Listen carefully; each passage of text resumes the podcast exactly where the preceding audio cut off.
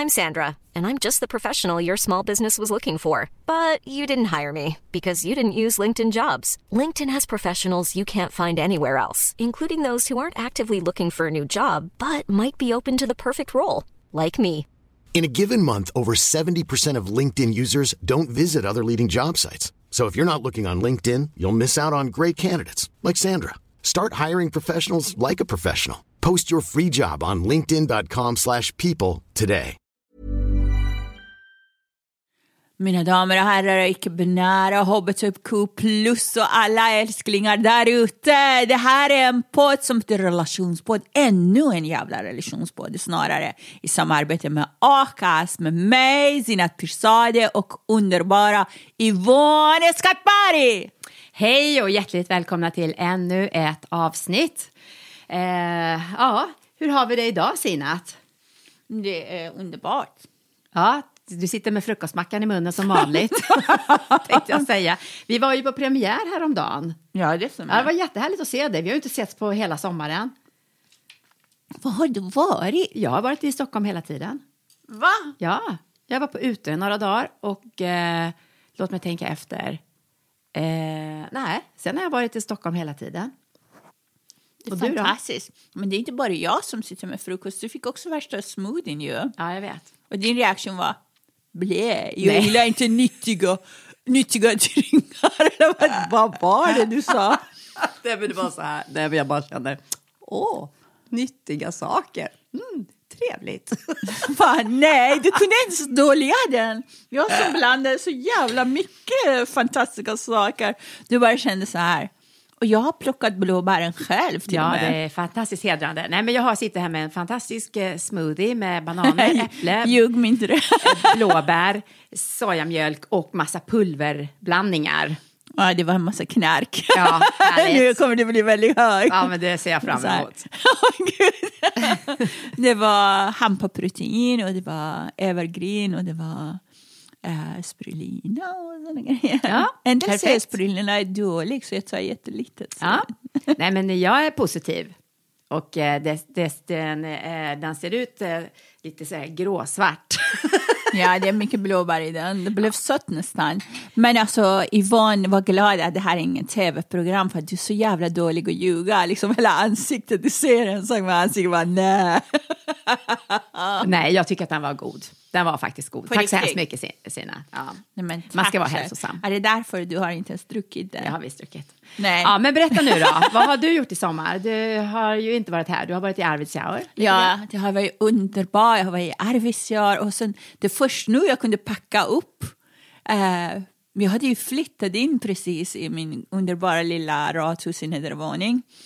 Och ehm, jag kunde inte packa upp den för jag var tvungen att komma tillbaka när eh, min kära pappa blev dålig. Och um, tyvärr han finns inte med oss längre. Men sen blev pandemin och man skulle inte resa runt och sprida basilusker. Och eh, det blev liggande. Så jag kom in till en lägenhet som såg ut att jag precis flyttade in. Så det var, det var sommar med packa upp. Det var. Och sen tänker jag liksom hur det skulle varit om jag var inte ens flykting. Om jag var född här. Hur har jag lyckats med så Samla ihop så mycket saker. Ja. Men jag fick också ganska mycket av mina svenska föräldrar. Så att, eh, men jag rensade massor och så ringde jag till fantastiska Anders Stenlund som är min fina granne som, är, som ser efter min bostad då.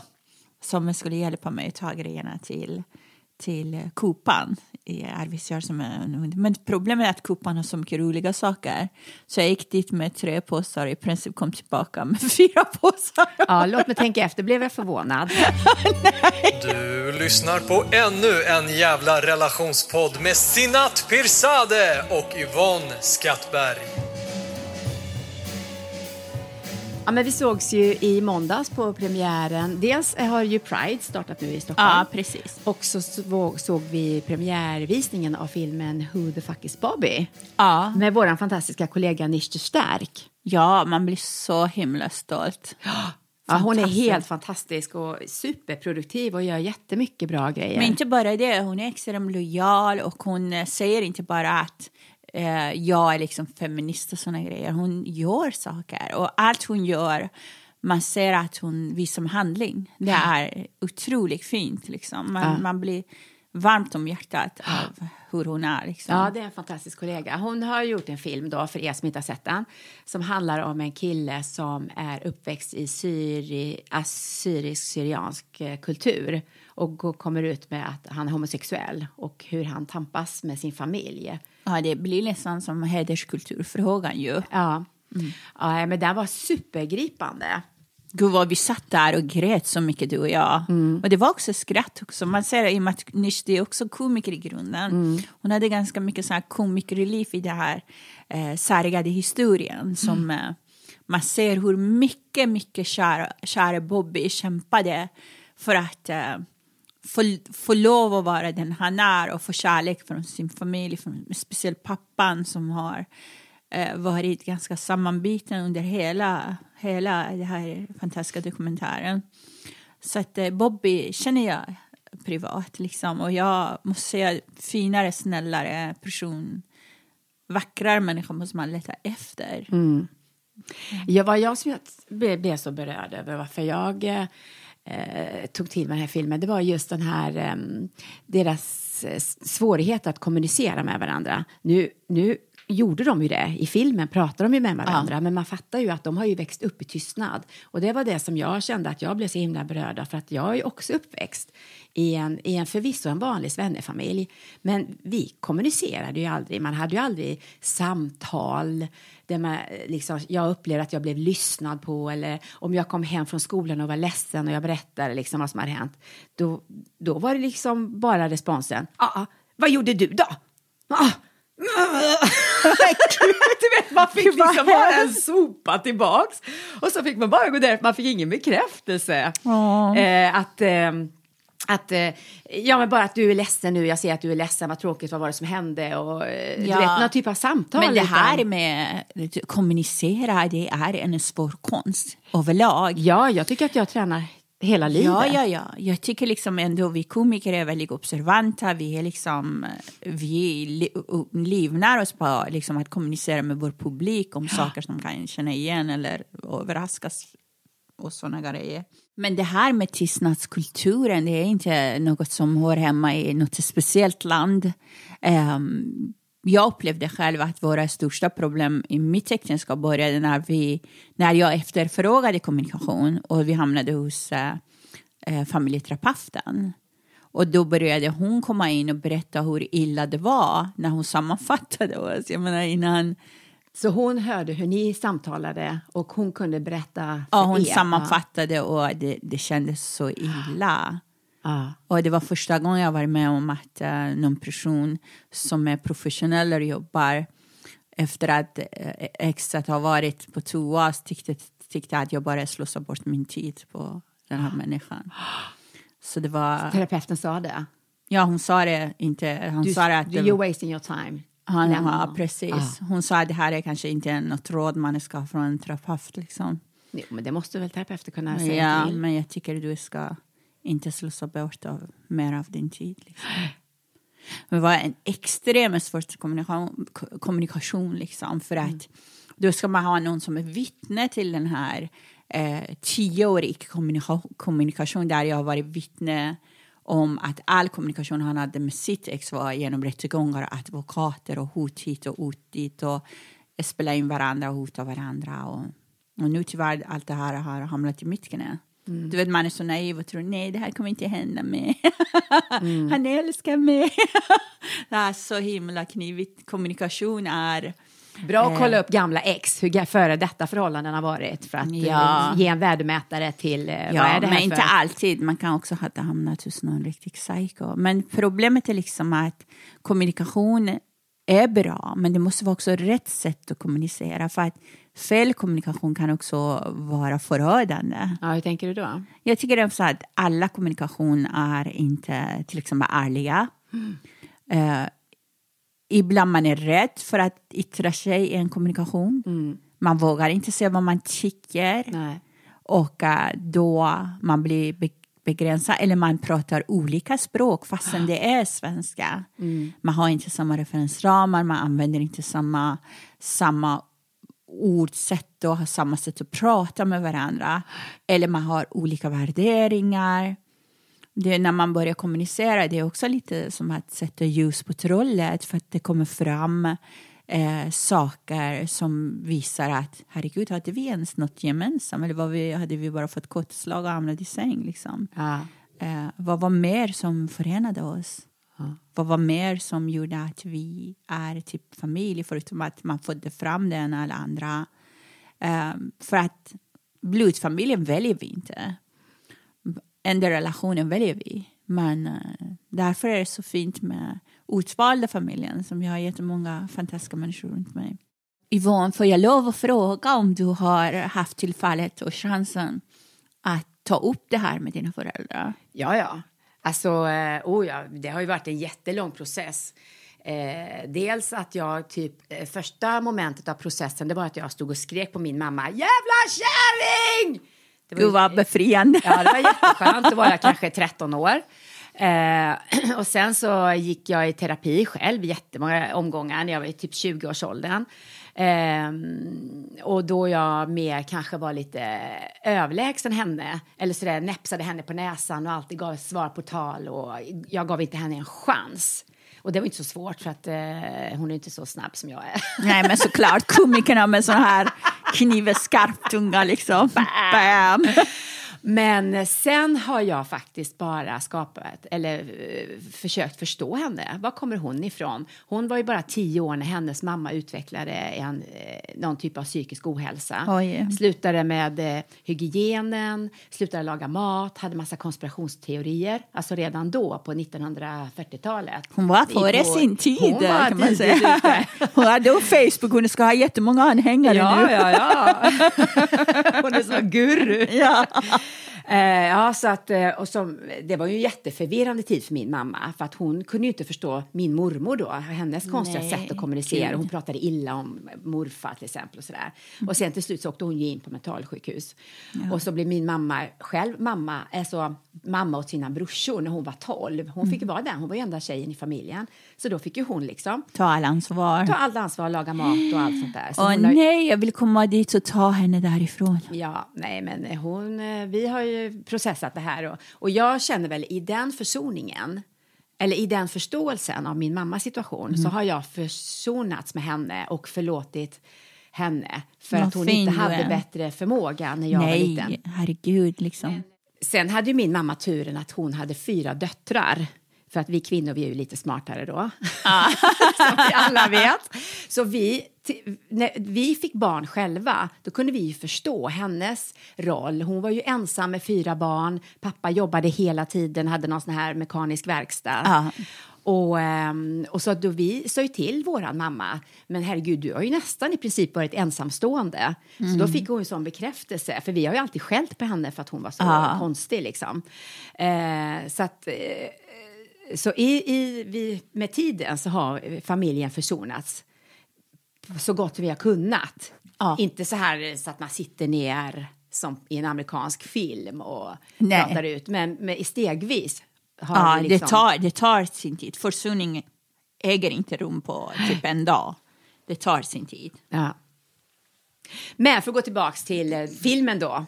Ja. Så eh, jag tror att det var det som berörde mig väldigt mycket från filmen. Deras eh, försök att kunna kommunicera och missförstånden som hade uppstått i familjen och som gjorde att Bobby kände sig så oälskad. För att det, jag minns ju den känslan av att vara ensam och oälskad när mamma inte lyssnade på mig, när hon gav mig skulden för alla konflikter och för allting som hände.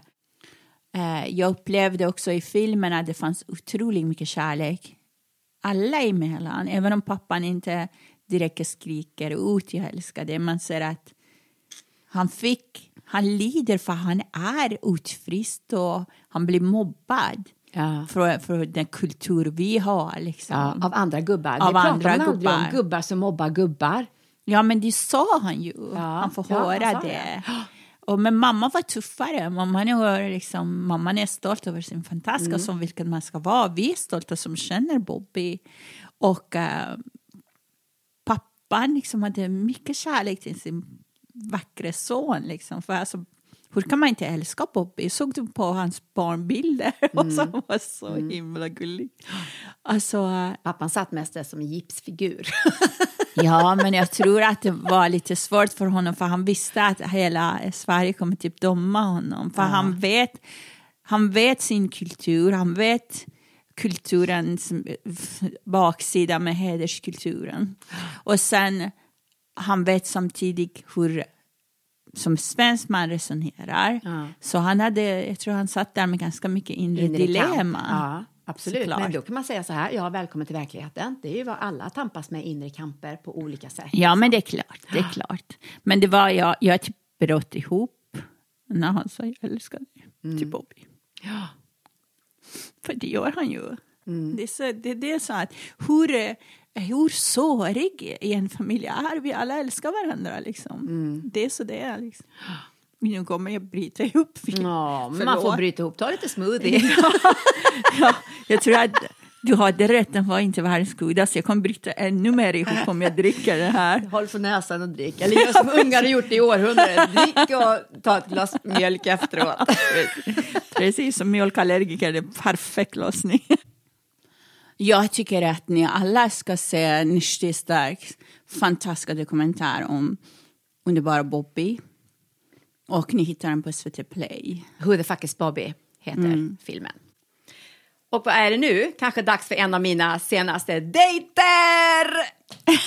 Jag ser hur Sinat bara blir helt trött i blicken och bara la ansiktet i handen. Så bara, okej, Nej, jag bara tänkte liksom hur många dagar i celibat har jag levt? Ja, fast du, fast dejt behöver ju inte innebära att man har sex, det har vi pratat om. Så en dejt är ju inte, man kan fortfarande leva i celibat och dejta. Jag måste Dina dejtar är så tråkiga. Ja, jag vet. Men man får bestämma sig. Eh, antingen dejtar man eh, eller så dejtar man inte. Jag eh, vill ju inte leva ensam resten av livet, då får man kämpa på. Det kommer du aldrig göra. Du blir inte av med mig i alla fall. kämpar och kämpar. Jo, då, då, min senaste dejt då kan jag eh, berätta om. Man kan kalla den för kanske eh, de, en dejt med ett inslag. Jaha, Ja. vad nyfiken jag blir. Ja, precis. Tack. Jo, men eh, jag är lite så trött på att gå på dejt. Och så ska man sitta på en restaurang och äta eller sitta över en kaffe. Och så är det samma, eftersom jag har varit på så många dejter nu då, så är det samma gamla jävla harv hela tiden. Ja, vad jobbar du med? Hur många barn har du? Och, ja, hur, vad är ert uppbrott? Åh, vad tråkigt. Åh. Och sen om, om du har bara gått med... Och sen har du gått på dejt med en svensk kille så får du ett sms. Glöm inte swisha 137 kronor och 50 öre för maten. Ja, nej, det har jag, aldrig varit med om, men det, det, det kommer kanske. Eh, jo, eh, så jag skulle då, för en tid sedan, eh, då tänkte jag så här, nej men ingen restaurangbesök, utan vi tar en picknick vid sjön i Huddinge. Det var jättefint. Ja, det är ju jättemysigt. Man cyklar till sjön, det är ju rätt långt då, det är sex kilometer till närmsta Jag är sjö. inte men- förvånad att du gör det. Ja, och, men jag har ju många cyklar hemma så att, eh, så att jag, jag grävde fram en gammal herrcykel som jag hade stående i källaren och eh, putsade upp den och så packa pajer och ja, en flaska vin och sånt där. Eller han hade med sig en flaska bubbel. Och så började vi cykla och så går, går, det kanske tre kilometer. Och så märker jag att mitt framdäcke punkar på. Åh nej! Den går på fälgen, däcket. Nej! Åh! Och bara åh! Verkligen otur. Det låter som italienska filmer. Och du vet, om man blir sådär, man försöker ändå vara lite artig. Och man tänker, fan vad jobbigt. Och så visste jag inte liksom, hur gör vi nu då? Ska vi gå tillbaks med cykeln eller, och hämta en ny cykel? För jag har ju, döttrarna cyklar ju kvar hemma, så jag har ju massa cyklar. Eller ska vi bara skita i det, ha picknick? Alltså du vet. Ja, såklart. Det Ja. blir liksom en massa frågor som dyker upp. Och Man man stapplar lite, jag vet inte hur ska jag göra det här. Ja, då fattade jag det här beslutet ändå att nej men vi kör ändå. Med den här cykeln som var punkterad. Oh my god. Dåligt Du är verkligen, Yvonne, du är verkligen badass. Vad hände sen? Ja, så vi börjar ju cykla på där då. Eh, och de första hundra metrarna gick det ju bra. Jag vågar inte riktigt säga att det var tre kilometer kvar, utan eh, så jag sa att ja, men det är en liten bit kvar. Och så de första hundra metrarna som sagt gick det bra, men sen uppstod något sånt här litet squeezande ljud. Åh, när nej. gummit gled. Alltså Yvonne, du, död, du dödade Sicken. Och i cykeln, jag var ju mer intresserad av dejten. Ja, du skiter i Sicken bara. Och, så, eh, och då, eh, när, cykeln, när, när hjulet hade gått ett varv så squeezade det till sig där. Du vet när gummit. Det där var själva inslaget i dejten. Du vet, man cyklar och försöker verka oberörd och hålla en neutral konversation samtidigt som hjulet låter så. Men kunde ni inte bara liksom stanna där någonstans och ha picknick där bara? Jo, jag vet. Det hade man kunnat göra. Men alltså, vi passerade ju dels ett skogsområde. Ska man sitta där på en bänk då, Ja. i skogen? Eller någon idrottsplan. Och, eh, Inte idrottsplan, men skogen är ganska Ja, jag trevlig. vet. Men jag kan säga att det var ett stressande beslut att fatta. Och det var väldigt stressande att cykla tre kilometer med en cykel som lät... Har du gjort det? Säg inte att du gjorde det. Annars måste jag undersöka din mentala hälsa liksom. Om du har cyklat tre kilometer sådär. Livet är så orättvist. Man liksom, ingenting är gratis. Nej, men vad hände då? Nej, men vi, vi, vi genomlevde det här alltså. Tre kilometer, men Ja. hur kom du tillbaka sex kilometer med den då? Nej, vi tog taxi. Aha. Jag beställde en stor sån här van-taxi, bara skicka in cyklarna i bilen. Du är bara lite taxi så- hem. Men det är min dotter, när vi ska ta promenad och gå på, på picknick och sådär. Hon är så bekväm av sig. Så hon brukar säga, men mamma, hur kan du vara så hurtig när du är så gammal? Första, och jag vet att nu är hon trött. Och sen går vi lite till och säger, kan man ta Uber i skogen? Bara frågar, bara undrar. ja, nej, men vi, eh, vi, ha, nej, men vi hade en fantastisk kväll. Det här är ju en väldigt trevlig eh, person. Då. Så att, eh, vi hade en jättetrevlig kväll och vi var, kom fram till sjön, vi badade, vi käkade picknicken och vi drack bubbel och sen BAM! Taxi Jag vet hem. varför du badar, för du vill kolla hans kropp innan du testar någonting. Det kan det vara.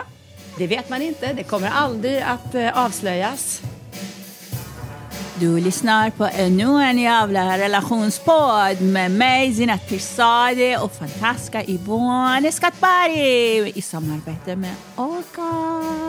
Woho! Men Sina, berätta nu då. Vad händer i pipen för dig nu då framöver? Alltså, jag har precis eh, eh, ett synopsis på min nästa roman som heter Betänketid till eh, min dramaturg som ska gå igenom synopsisen innan jag skickar den till Piratförlaget. Och sen du och jag ska vara i Lund Comedy-festival Ja, det ska vi. 4 september. Exakt. Ner, eh, och festivalen pågår väl mellan 2 och 4 september tror jag, nere i Lund. Mm, och vi kommer att ha eh, tillsammans, eh, min föreställning heter Kåt och glad och otacksam och det handlar om att jag skrev ordet kåt i mitt CV när jag var ny i Sverige som betyder levnadsglad. Jag trodde det var ett trevligt ord, jag fattade inte Nej. att vad fan är så jävla dåligt. Det är väl trevligt att vara kåt? Ja, det är eller väl hur? inget negativt? Inte Even when we're on a budget, we still deserve nice things. Quince is a place to scoop up stunning high-end goods for 50 to 80% less than similar brands. They have buttery soft cashmere sweaters starting at $50, luxurious Italian leather bags, and so much more. Plus, Quince only works with factories that use safe, ethical, and responsible manufacturing. Get the high-end goods you'll love without the high price tag with Quince. Go to quince.com slash style for free shipping and 365-day returns. Ever catch yourself eating the same flavorless dinner three days in a row? Dreaming of something better? Well, HelloFresh is your guilt-free dream come true, baby. It's me, Kiki Palmer. Let's wake up those taste buds with hot, juicy pecan-crusted chicken or garlic butter shrimp scampi. Mm. Hello Fresh. Stop dreaming of all the delicious possibilities and dig in at HelloFresh.com. Let's get this dinner party started.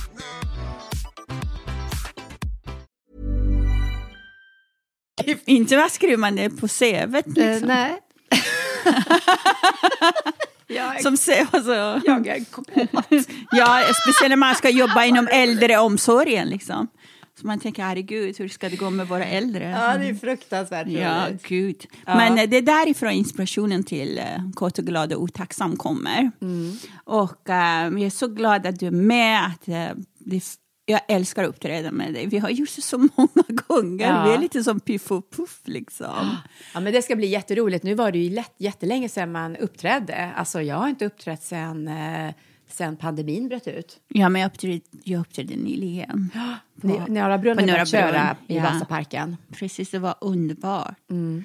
Uh, gud vad man var liksom nervös. Men jag har ju kört ganska mycket online. Så man kände liksom, det känns lite skits att uppträda för sig själv. Mm. jättekonstigt. Men jag är jätteglad att träffa min publik. Och det var så fint att träffa dem. Och det är jättemånga som hade vaccinerat sig som vill kramas och sådana grejer. Ja, usch då. Jag tyckte ändå det var en av fördelarna med pandemin, att man slapp Ja, kramas. ja eller, eller hur, man vill inte alltid kramas. Det är uh, att ta i hand.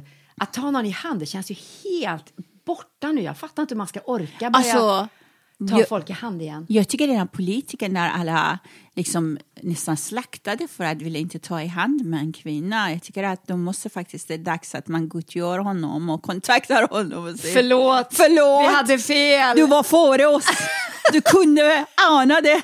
Du visste vad som kommer att hända! Kom tillbaks! Ingen ska ta på någon ever igen! Precis! Herregud. Ja, men vad, vad sa boken hette igen? Betänketid. Betänketid. För du hade ju en annan, eh, en annan visst jobbar du på en annan novell? Alltså jag jobbar också med novellsamling. Alltså jag, jag vet inte, jag är så i gasen. Ja, du jag är kan knappt sova. Otroligt produktiv, Sina. Nej, jag måste alltså. säga det. Jag tycker det är otroligt hedersvärt Alltså jag går upp mitt på natten och skriver. Det, är bara, det, det är så mycket historier i mitt huvud just Ja. nu. Den här eh, andra novellsamlingen som jag kommer att kalla för Mor har inte tagit sitt liv idag heller. Ja, underbar titel, älskar Mm. den. Det är lite creepy titel också samtidigt. Ja, det är creepigt, men det är det som är så underbart. jag vet, du, du gillar sånt. jag vet. Men det är extremt starkt. Ja, det känns som att pandemin har gjort mig mer till författare än komiker under den tiden när man har varit ifrån scenen. Så man fick så mycket tid. Och så kom jag också underfund att med jag började ju som poet. Jag kommer från Rinkebys poetry slam. Och eh, jag har till och med varit i New York och varit med poetry slam. Inte som någon försvarare från Sverige, men jag var bara bjuden att vara där. Och ehm, jag bara känner så här att anledningen är att jag blev mer och mer komiker för jag älskade när mina dikter var roliga. Då skrattade folk. Och då fick jag mycket mer poäng och vann hela tiden. För att det handlade om 500 spänn. Varje gång man vann på ett Mm. reslam gick man hem med 500 kronor i fickan. Liksom. Man skrev på ett papper och så tog man. Det var jättemycket för en ensamstående mamma. Mm. Ja, så jag, var, jag, jag skrev poesi för 500 kronor helt enkelt. Det var riktat på att jag ska ta hem 500 Ja, du la in kronor. pensionerna för att få med dig 500 Ja, precis. hem. Ja, För jag hade det är liksom klockrent. så här- Ja, det är helt sjukt att bli poet för man vill ta hem 500 kronor. Nej, men, det var också rätt länge sedan, det måste varit en 15-20 år sedan. Ja, ja, ja, ja, ja, när jag läste på Lärarhögskolan och universitet parallellt. Jag läste parallellt på universitetet läste jag teoretisk psykologi och utvecklingspsykologi. På lärar och högskolan läste jag eh, till filosofie-kandidatexamen för studie och yrkesvägledning. Ja. Så, och min son var med mig och så helgerna jobbade jag med äldreomsorgen. Jag jobbade som gnu. Jag träffade ingen, tog hand om min pojke. Jag tycker liksom att jag fick inte vara så mycket ung liksom. Nej. Det har varit en märklig tid när jag tittar på mitt liv. Liksom. Men jag känner att jag måste ta igen alla åren som jag har, har eh, um, typ inte låtit sig själv och ta plats i sitt liv. Liksom. Det är dags nu. Nej, jag känner liksom att det är dags för att jag gottgör mig själv lite. Mm, det måste man också göra. Liksom. Absolut. ja, så det är, det är... Man kan sammanfatta med att det är mycket böcker på gång, lite uppträdanden på gång och eh, Nej, det är ganska lite mycket komedi också på gång. tonårsperiod på gång. Eller ålders, medelåldersgris. ja, man vet En inte. kombo. Kombo mellan tonårsgris och medelåldersgris. Men eh, nej, men jag har ganska mycket jobb också bokade. Så att jag kommer uppträda för Stockholms stad. Sen kommer jag och Jenny Rydin uh, jobba med ett program som handlar om um, körkort. Så, Just det, du har ju på att ta körkort. Ja, precis. Fortfarande. Jag vet, men jag tog paus i och med att det ska bli tv-program. Eller hur? För hur skulle jag ta körkort i tv? Det, blir fusk ju. Eller hur? Mm. Så vi får se dig köra upp i tv nu då. Om vi lyckas hela vägen med programidén. Ja, har du kört upp någon gång? Eh, nej, inte än faktiskt. Jag har kört upp sex gånger totalt bara så att du vet. Så att, eh, Sex gånger. Ja, så att eh, du har, du vet, ribban är låg. Varför? Var det någon, någon som tyckte inte om Eh, dig? Nej, jo, alla älskar ju mig naturligtvis, men Ja, kanske inte just bilskollärare. Eller var jag uppkörnings... Du kunde bjuda lite hångel på köpet. Eh, nej, jag vet inte. Men eh, jag, först tog jag ju motorcykelkörkort. Bravo! Ja. Eh, hade noll koll på trafiken. Och så fick jag väl bara uppkörning för tidigt och bara var, men jag var inte mogen att få körkort då. Nej. Så att jag körde upp två gånger och blev kuggad. Men hur gammal var du? S- Eh, 17 kanske. Nej men 16, 17. älskling, ja. du Ja. var ju bara ett barn. Ja, exakt. Och sen, så tredje gången gillt fick jag motorcykelkörkort. Och sen, och det var samma dag som jag åkte ut och tågluffade. Och sen var jag ju borta i princip i två år. För jag åkte ju inte hem, jag var ju, var ju kvar på tågluffen. Wow! Ja. Det måste berätta. Ja, det måste jag berätta. Det har jag nästan glömt av Vi själv. kan bara ha ett helt Vi program. får in- ett helt program om hur man rymmer. Ja, tuggluffare, tågluffaren. Och sen jag kom hem eh, så började jag ta bilkörkort.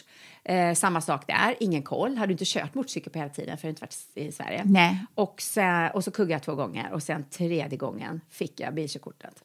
Alltså jag tänkte ta motorcykelkörkort också. Samtidigt jag, som ta bilkörkort. Nej, men lite senare. Och jag tänker faktiskt också, jag har också kollat med en av mina vänner som har ehm, tillgång till en, en flygplansskola så att man kan ta flygcertifikat. Oh my gosh. Det är jättehäftigt. Jag har en massa onda planer. Ja, herregud. Du vill flyga mellan giggen på eget privatplan, det är ju perfekt. Nej, jag kommer inte göra det, men jag vill så gärna kunna göra det. Det har varit en barndomsdröm. Liksom. Det är sån här, eh, vad heter det, no, eh, klicka av på sin bucket Ja, list. precis. Bucket list. Ja. Precis. Yvonne, vad har du gjort på, under sommartiden? Ja, alltså jag har ju mest varit i Stockholm. Eh, och, eh, men jag var ute på ute, träffade mina, mina syrror och med fam- familjen. Jättetrevligt. Vi var där i flera dagar. Och en sak som, eh, som slog mig när jag var där, det var ju att... Eh, alltså, ute, jag, har du varit på ute någon gång? Ja, ja, det är jättefint. Ja, det är jättehärligt. Det är magiskt vackert. Ja, och så är det så här, många människor som är eh, tjocka och det är mycket tatueringar och det är mycket fylla och vi bodde ju på vandrarhemmet. Ja. Så att man hörde ju då hur folk eh, smackar på varandra lite. Gud.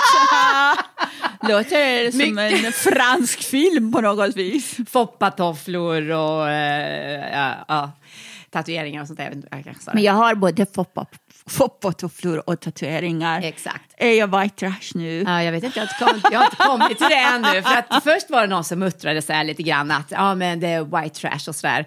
Och, eh, Vem sa det? Jag tycker det är fördomsfullt. Ja, men om du lyssnar så kommer jag att berätta. och, och, och det är lätt att falla in i det här att det är fördomsfullt, ja, att det är något negativt och man har sett program från Ullared och det är white trash och så Men förresten, du lovade ta mig till Ullared. Vad fan hände med det loftet då? Vi får se, det kommer. It's coming up. Nej, men jag kan, jag kan verkligen känna som du sa, att ja, men vad är det för fel på white trash? Ja, men på riktigt, varför är man tjock? Jo, för att mat är gott. Varför ligger man på vandrarhemmet? Jo, för att det är skönt att ligga. Varför röker man? Ja, men jag röker ju ibland. Jag låtsas att jag är icke-rökare, men jag tjuvröker ju lite då och då. Varför gör jag det? Jo, men för att det är gott. Foppatofflor, det är väl antagligen för att det är praktiskt. Det är det verkligen. Jag älskar min foppatoffa. Jag till och med har en på vinter. Jag nästan typ halkar fram med is på isen när jag ska kasta skräpet. Liksom. Jag tar alltid med dem. Ja, så att jag, jag, har- jag har, eh, vad heter jag har recapat vad det gäller white trash. Jag Så du börjar beundra white trash. Så nu är det white trash för Jag dig. älskar Det white guld- trash. Nu är det guldtrash. Ja, man ska Eller jag äta menar- mycket, röka mycket och kröka mycket och ligga mycket. Gå i foppatofflor. Allt är Foppas fel. Foppa, om du lyssnar på det här, skärp dig! Dina tofflor fördärvar människornas liv. Ja, vi säger heja, heja, white trash. Heja, heja, heja mig som är nästan white trash. Jag älskar min, Kämpa på din white trash. Ja, jag älskar min foppa, foppa tofflor och jag älskar mina tatueringar. Jag måste bara äta upp mig och ligga en massa. Ja, det är det som står på bucketlistan också. Man ligger för lite. Det är därför man är så arg. Det är därför, eller man, eh, folk är arga på white trash som ligger mycket, om det nu är white trash. Eh, För det kommer säga de är så inte. bra på det här då. Ja, det är ju bara för att man är avundsjuk. ja, men vad har du för tatueringar? Jag har massor och det kommer att komma massor med fler. Min dotter fick ju inte tatuera sig. Sen hon var 18, det var så gulligt för då bodde hon ju ändå i England. Och hon höll sig, hon tatuerade sig inte. Men sen på 18-årsdagen så ringde hon, eh, fotade hon, där hade hon tatuerat något litet märke på armen. Ja. Så hon satt där och vibrerade, hon tatuerade den Ja. vid, vid, vid klockslaget på 18-årsdagen. Och sen, och sen tog det bara några månader så såg hon ut som ett litet så här klotterplank på armen. Ja, gud ja. Jag är snart där. Det är faktiskt jättekul.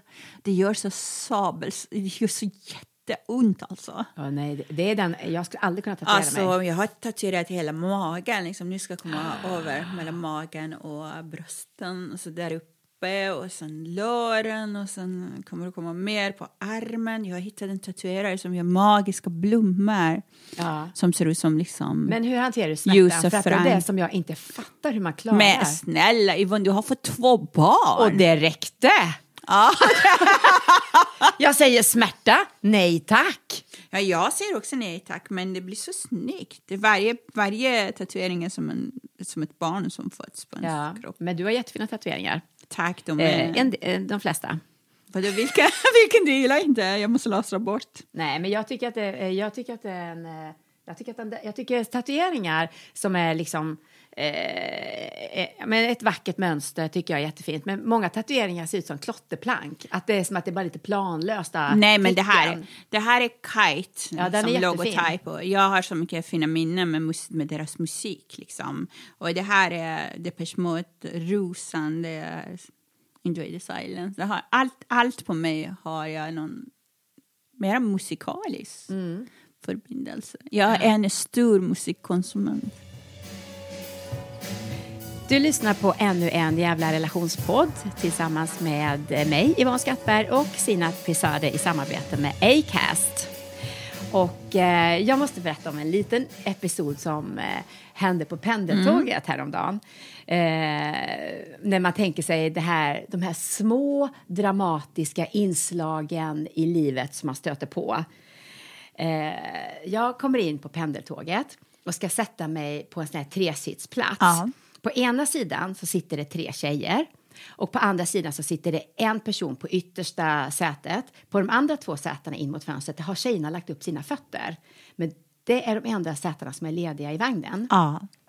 Så att jag siktar in mig på att gå in och sätta mig på en av de här fåtöljerna där fötterna sitter på. Och jag fattar ju att ja, men det här kan, kan ju bli lite problematiskt. men jag är artig och trevlig och ler och, och liksom går inåt. Och första tjejen tar bort sina fötter på mellansätet. Och tjejen, men jag hade siktat in mig på sätet längst in. ja, för det måste vara lite avstånd. Ja, man vill ha avstånd och, och, eh, och man vill inte vara för nära andra människor överhuvudtaget. ja, det är faktiskt ganska skönt. Och den här tjejen, hon dröjer kvar med fötterna. Men jag fortsätter gå mot eh, sätet. Och man känner ju liksom dramatiken tätnar. När ska hon flytta fötterna? När kan jag sätta mig? Vad kommer hända? sa du inte direkt kan du flytta ner? Ja, foten? men jag tror, man, man säger väl så här lite tyst, ursäkta mig, något sånt där. Inte jag. Nej, men eh, jag gjorde det då. ja. Eh, och, ehm, men, och, och, och, eftersom jag går på sätet och till slut flyttar hon ju fötterna. För jag vann den lilla kraftmätningen. Då. Ja, bra jobbat. Så jag sätter mig och då säger hon lite så här högt så att alla hör det. Ja, hon skulle såklart sätta sig på det yttersta sätet. Det fanns ju ett säte ledigt i mitten. Säger man sådär bjäbbigt. Det blev bara dåligt för henne. Ja, och jag är ju helt lugn. Så jag tittar henne i ögonen. Och hon tittar tillbaks, du vet. Och intensiteten i den här blicken, man känner Jag fan, nu kan vi där." driva Oskarshamn här. och, eh, och så säger jag någonting om att ja, men jag ville sitta här. Och, eh, och då säger hon någonting till sin eh, kompis. Eller hon fortsätter titta på mig. Aha. Ehm, och då så säger jag artigt, jag är artig och har lite, lite glimten i ögat sådär. Aha. Och så säger jag nästa gång du sätter dig så får du sätta upp fötterna på ett annat sätt. Och så sitter vi och tittar på varandra. Men man ska absolut inte ha foten på sätet överhuvudtaget. Exakt. Och, och jag känner så här, hon släpper inte blicken, jag Mm. släpper inte blicken. Och jag känner, fan, nu åker jag på stryk. Fast jag ser ändå en liten glimt i hennes öga som gör att jag ändå Hur gillar den gammal här var tjejen. hon? Eh, sex, fem, f- 14-15. Då skulle du kunna slå ner henne lätt. Ja. Och så säger hon, eh, så märker hon att jag släpper inte. Och då säger hon, "Ah, jag bara skojar. Åh. Och då säger jag, jag också. Och så blinkar jag lite mot henne. Alltså det här vill man Och sen nästan kriget se. över. Och så känner man någonstans i sitt hjärta att fan, nu är vi buddisar forever. Det var så här kärleksbörjan med, med Bråk. bråk. Så gulligt det var. Ja, även lite en så här vardagsdramatik situation som uppstod, Ja. men som ändå gick bra. Ingen dog. Nej, det lät inte som saker som hände i mitt forna hemland. Men okej då. Det var väldigt fredligt Ja, det var avslut. ett fredligt avslut på den lilla kampen. Och man ska inte uppmuntra folk att slåss i sina podd. Jag bara skojade. Som du sa, jag bara skojar. Ja, vi uppmuntrar inte någon till Nej, någonting. Här sitter jag och dricker tyckte- hälsosam smoothie. ja. Dricker och dricker. Du Ja, har inte precis. gjort det. Nej, men okej jag ska då. göra det om en stund. Du bara nej. Så fort jag går ut från rummet hon kommer hälla ut den. Nej då, jag ska dricka upp den och sen ta ett glas vatten efter. Jag har faktiskt mjölk om du behöver ett glas mjölk. Men eh, det var ju en väldigt söt en liten historia. Men eh, jag brukar faktiskt säga liksom att ursäkta mig kan du ta ner foten? Sätt den ner för att sitta, inte för att ha fotboll. Eh, jag säger det rakt ut. Det är liksom ett standardsvar jag har. Och det blir inte alls den här dramatiken. Faktiskt. För de säger att jag är tatuerad och ganska farlig white trash som de jävlas inte med mig. Du ser så gullig och snäll ut liksom. Med det lugnaste vattnet. Exakt. Eller hur? Nu känns det som att det är dags att vi får avrunda vår fina liksom, relationspodd för den här gången. Ja. Har du något som du vill avsluta med, Sinat? Uh, jag ville bara säga att um, ofta hederskultur som pratas om i dagens media och uh, överallt riktar och siktar och lyfter fram allt det negativa med hederskulturen. Man uh, ofta saknar kännedom om hur och hur mycket hederskultur egentligen gör också för familjerna och människorna som lever efter den. Det är därför när någon avviker det blir så stora straff. Så länge man är in, infamnad och, och, och kramat av den här kulturen så alla hjälper varandra. Jag menar, om du får ekonomiska problem så alla samlar pengar till dig. Om du har kärleksbekymmer alla i äldsta familjen samlas och pratar med din partner. Om någon ska gifta sig, alla samlar pengar. Vill man köpa bostäder, man hjälps åt. Någon mår dålig, alla omsluter sig och är där på plats. Det finns så mycket i hederskultur som är extremt vackert. Som jag ibland saknar i, i Sverige när man läser i tidningar att eh, svensk man har dött i en fåtölj och hittas efter två år. I en hederskultur skulle aldrig hända. Man vet Fast jag alltid. tänker... eh, Nej, ja, förlåt, avbröt jag? Så man tänker det finns så mycket hederskultur som jag har flytt ifrån. Jag har gått barfota för att komma ifrån. Men det finns också saker som man tänker när det gäller familjens styrka och hålla ihop och kämpa tillsammans. Ja.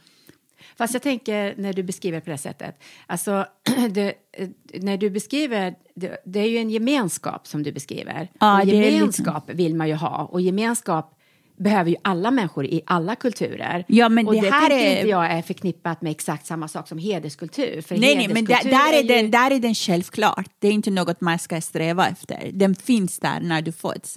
De här nätverken är redan byggda innan Ja, du gemenskapen kommer. menar du? Ja, Ja. inte bara gemenskapen. Det handlar inte om bara gemenskap. Folk liksom visar heder i att hjälpa varandra. Mm. Det är viktigt, liksom. Det är viktigt att den som har råd bjuder alla andra. Mm. Det är viktigt den som kan hjälper alla andra. Det, det finns saker också som vi aldrig tar upp. Jag vill inte försvara Nej, jag det jag vidriga med hedersfrågan. Nej, för jag ju jag du själv är en stor motståndare av Ja. Mm. hedersförtryck och jag föreläser om hedersfrågor. Men du menar att det finns en, en eh, positiv sida av det här, att man tar hand om varandra? och- Precis, ja. precis. Men det värsta är liksom att när man avviker från hederskulturens normer, Ja. Då ligger man jävligt risigt till. Ja. För att det är med livet som insats. Ja, det är fruktansvärt. För då tänker jag ju att då drar jag paralleller med sekt. För då, det är, i sekt det är ju Ja. en, en, sak som eh, påvisar att det är en sekt. Det är just det här att antingen är du med oss eller så är du mot oss. Ja, Det ja. kan inte vara lite grann av varje. Nej, nej, nej. Men det var faktiskt det som eh, Roy Fares också tagit upp. Så att vi är här i storstan, men i grund och botten, det är fortfarande eh, byns folk som är här. Ja, du menar Roy Fares i filmen Ja, eh, precis. Who the fuck is Bobby? Vi Ja, pratar om den precis. hederskulturen. Precis, jag tycker det var extremt Ja. viktigt eh, just samtalet Mm. mellan dem. Jag var extremt rörd av samtalet mellan Carola och, och honom och alla, alla samtal. Jag tycker det blev väldigt starkt när det andra och i och med att eh, Roy kommer själv också från samma kultur så eh, tyckte jag det var väldigt, väldigt, väldigt spännande att lyssna på Ja. det. Och, och så ännu en gång rekommenderar vi denna fantastiska dokumentär som vår kollega Anishti Stark har gjort. Ja, och med de orden så avslutar vi detta avsnitt av ännu en jävla relationspodd. Mm. Och du har lyssnat på mig, Zinat Pirzadeh och Yvonne Skattberg. Och detta avsnitt heter Who the fuck is Bobby? Och vi samarbetar ju med Acast. Ha det så gott. Nu väntar golfbanan! För Yvonne! Jag ska skriva på min nya roman. Hurra! Hurra! Tack och hej! Leverpastej! Du har lyssnat på ännu en jävla relationspodd med Sinat Pirzadeh och Yvonne Skattberg.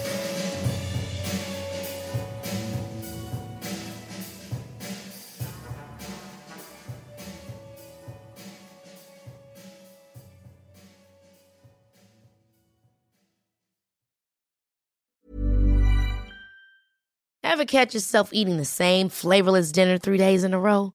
Dreaming of something better? Well, HelloFresh is your guilt free dream come true, baby. It's me, Gigi Palmer. Let's wake up those taste buds with hot, juicy pecan crusted chicken or garlic butter shrimp scampi. Mm. Hello Fresh. Stop dreaming of all the delicious possibilities and dig in at HelloFresh.com. Let's get this dinner party started.